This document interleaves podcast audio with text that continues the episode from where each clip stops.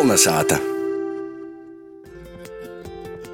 Viesturnīgs Arnis Slobožanins stostās, kādu ietekmi ir iz visu pasauli atstājis paskviļs. 16. gadu simta sākumā Rūmā aizasokos interesanta tradīcija, kas atstāja ietekmi iz visu pasauli, atgoja arī Dalatgolē. Itu tradīciju sauc paskviļu rakstīšana. Vārds paskviļs ir cielījis no nu, statujas paskvina apzīmējuma. Paskvina statuja ir statuja bez sejas. Seja ir izdauzāta vai izdrupuša, un nevar saprast, kas tajā statujā kāds cilvēks bija kādreiz izgrebts, atveidots. Vīnā no Rūmas mozajiem laukumeņiem, Brašķi laukumā, atrada, ja arī šodien atceru un tāda statuja. Pie itos statujas cilvēki, jau manis minētie 16. gadsimta sākumā, soka pīspraust eisokus vai garokus, zūbgaļīgus, parasti anonīmus, sacerījumus, ļoti interesantā, drusku satīriskā, komiskā formā, kurā tika kritizēta valdība, pastāvošo īkorta, pāvesta rēcība un citas naiedzības, kas cilvēkiem nepatika. Anonīmos zīmēties ar viestījumiem pie statujas tika pīspraustas nakts aizsargā.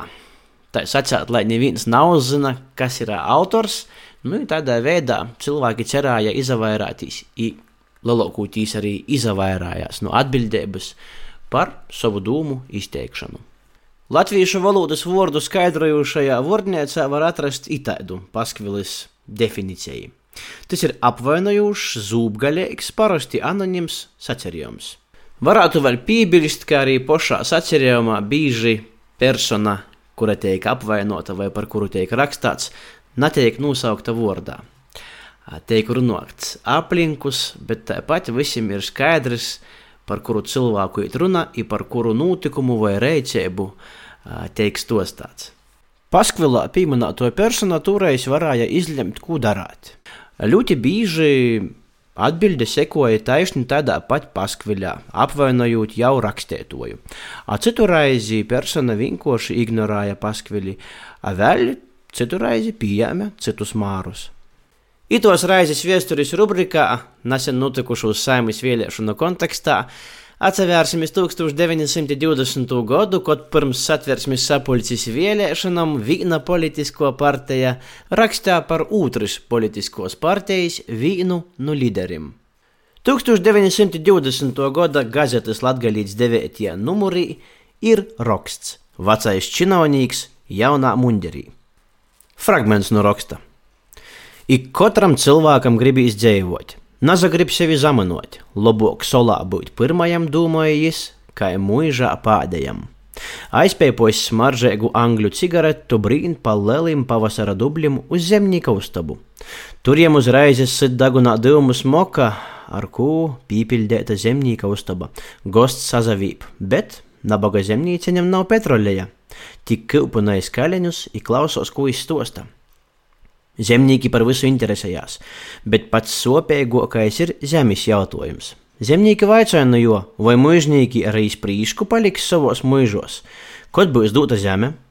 Gosts sok mīlīgi runāt, saka, ka patīši zemniekam vajag zemes, ka te būs dota no krūņa zemēm. Zeme, runāja jis, būs dota Tik tagad tas nevar jums noteikti pascēt. Par šito mēs runāsim satversmes sapulcē, un tad jums pastostāsim.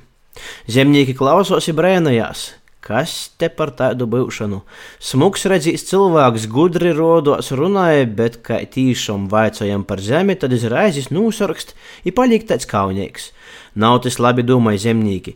Te laikam ir tas vecais bankas činovnieks, kurš agrāk braukoja un sūļā mūsim zemi, tur tolajā Sibirī, bet visot aizastoja par mužnīkiem. Mēs jau vairs nazaklausāsim. Sauksim labāk paliegā oroja dālu latgalīti, jau mums skaidrok runos un pascās. Kā būs ar zemi, laikam viņš spēs uzreiz mūsim atbildēt uz šo vaicojumu. Vecais činovnieks īt projām no zemniekiem ir domāja, kā būtu labāk padarīt, ka zemnieki jau nesmodētu, jo bez tiem jam grūts būs dzīvot Latgolā. Domāju dīnu, domāju otru, par šo laiku es īpazīst ar dažiem smalkiem kundzeņiem, pat mužnieki jau sots ar jū runot, jau mīļot. Zemniekus arī jam gribīs pīvlikt pie sevis.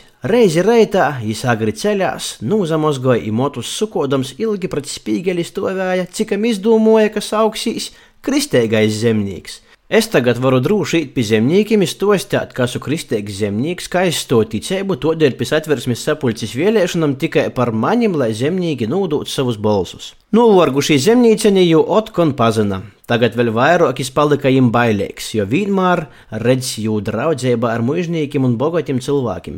Slāpdamīs aiz ticības karūga, es gribu aizstāvēt kungus. Tūs oroju dālus, kur aizstāv mūsus, kristīgais zemnieks lomoja par naticīgiem un komunistiem.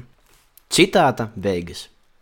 Nu, to rakstā ir noprotams, ka Latvijas zemnieku partija, kuras atversmes sapulcī īgive visvairāk, 17 vītu, rakstāja par Latvijas kristīgūs zemnieku partiju, kura īguve 6 vītas.